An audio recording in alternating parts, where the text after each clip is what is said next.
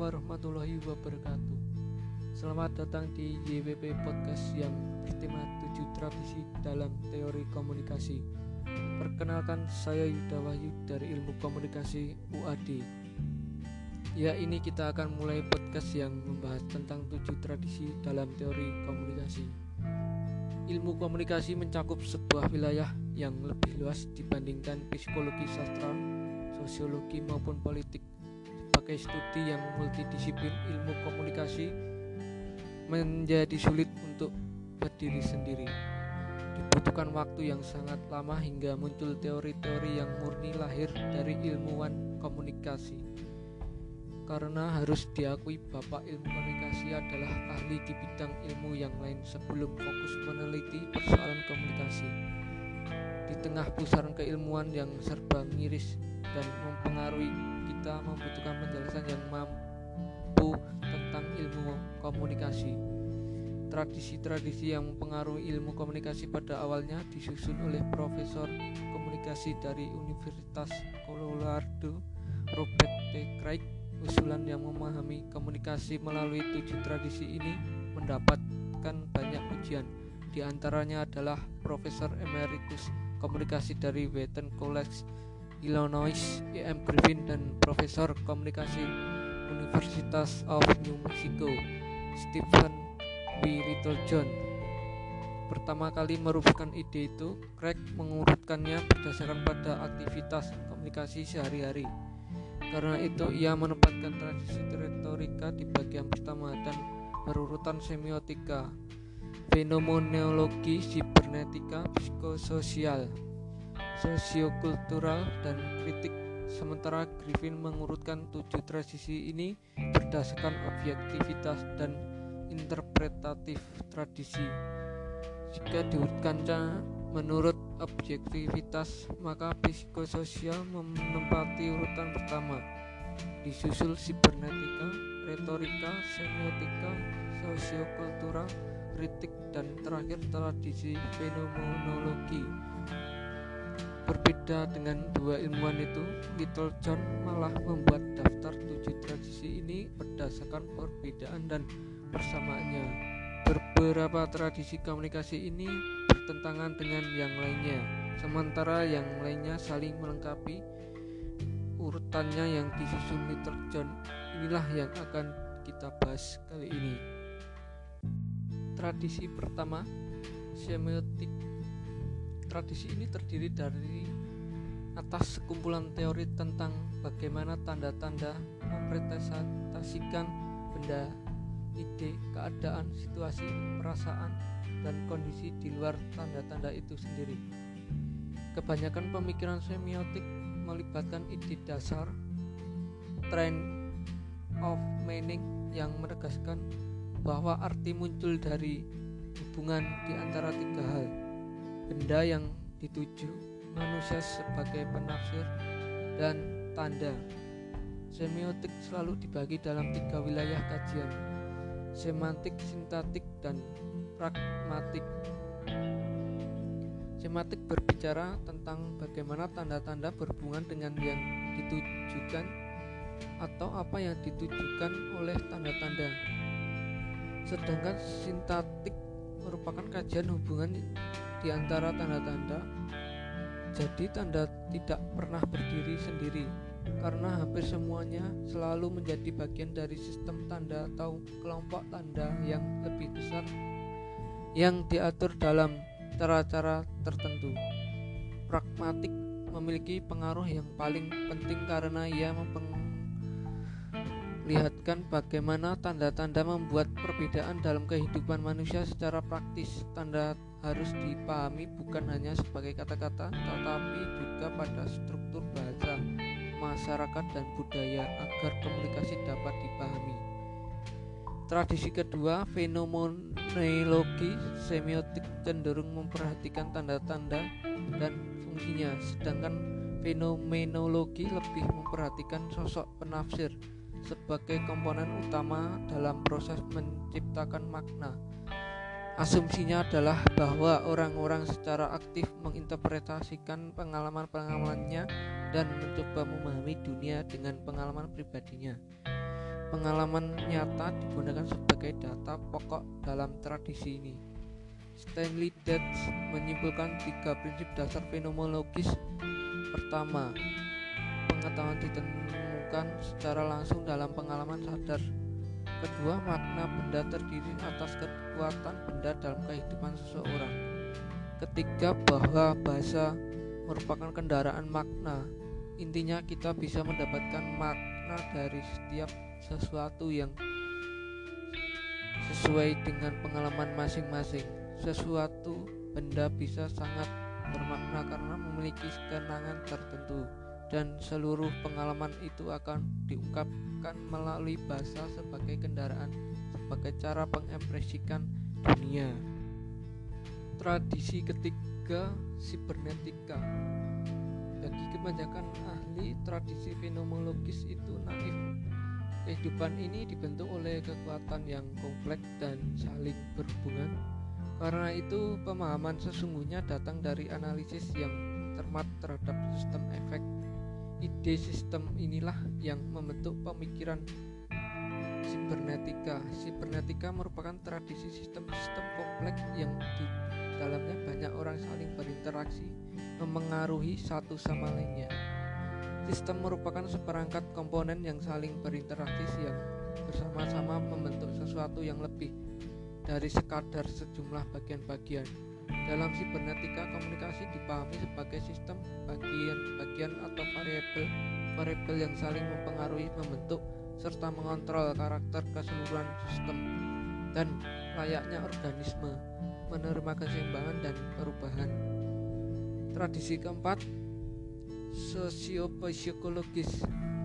Teori-teori dalam tradisi sibernetika berguna memahami sebuah hubungan tetapi tidak efektif dalam memahami perbedaan-perbedaan individu di antaranya bagian-bagian sistem karena dalam pengalaman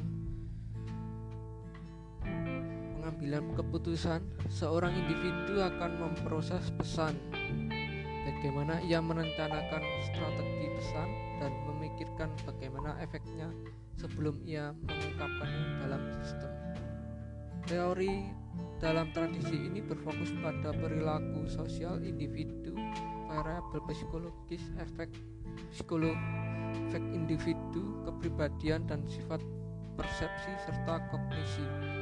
Ada tiga kajian penting dalam tradisi ini: perilaku, kognitif, dan biologis.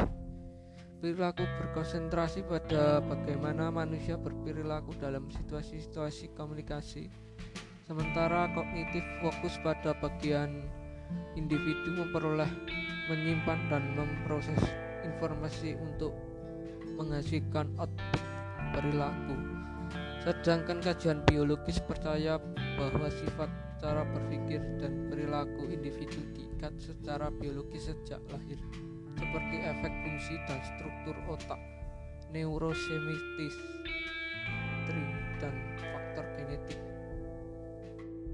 Tradisi kelima sosiokultural. Tradisi ini mengedepankan persamaan individu dalam interaksi sosial daripada mengedepankan masing-masing keindividuannya. Pendekatan sosiokultural terhadap teori komunikasi menunjukkan cara pemahaman kita terhadap makna, norma, peran, dan peraturan yang dijalankan secara interaktif dalam komunikasi. Teori tersebut mengeksplorasi dunia interaksi yang dihuni manusia, menjelaskan bahwa realitas bukanlah seperangkat susunan di luar kita, tetapi dibentuk melalui proses interaksi di dalam kelompok, komunitas, dan budaya.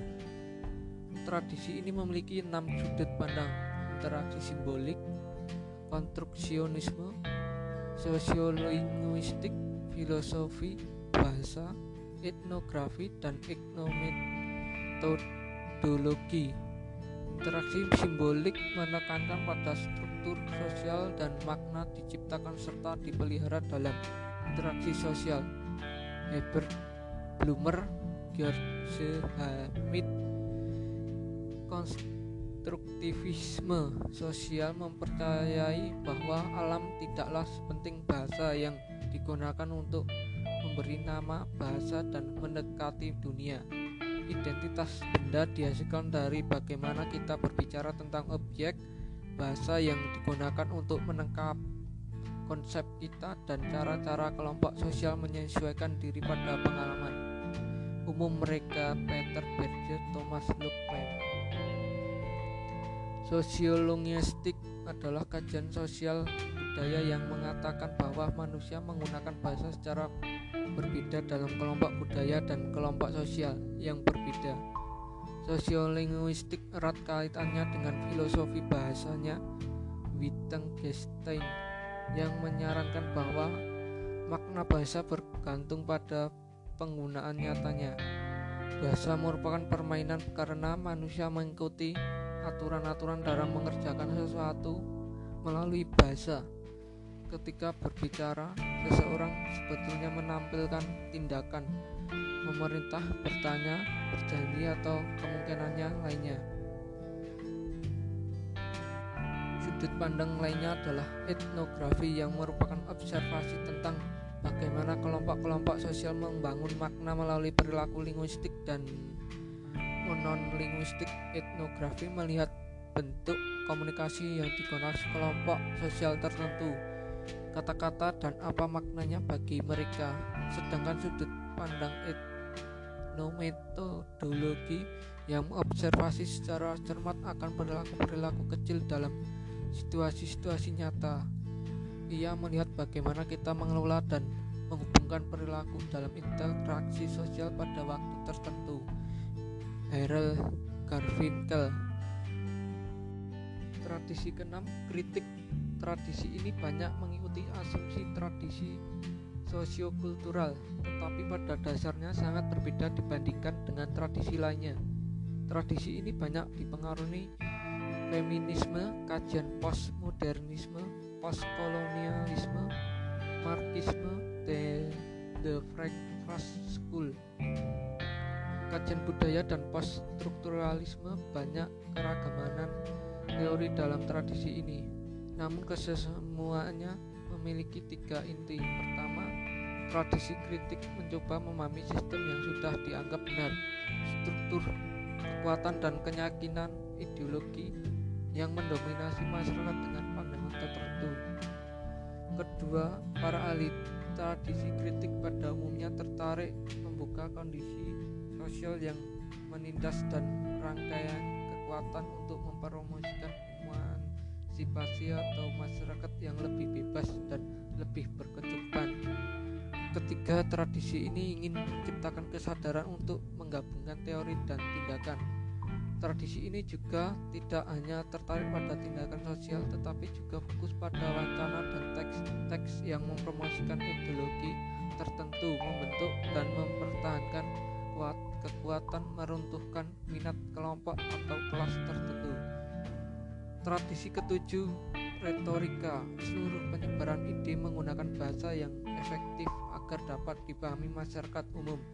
Jika ingin mengkomunikasikan ide-ide itu secara efektif maka kita harus mempelajari teknik retorika meskipun zaman ini retorika mengalami penyempitan makna menjadi kata kosong awalnya retorika ini dihubungkan dengan teknis persesuaian yang kemudian dapat diperluas sebagai segala cara manusia dalam menggunakan simbol untuk mempengaruhi lingkungan sekitarnya dan untuk membangun dunia tempat tinggal mereka. Terima kasih telah mendengarkan podcast kami. JWP Podcast semoga membantu tahu tentang tujuh tradisi dalam komunikasi. Sekian, wassalamualaikum warahmatullahi wabarakatuh.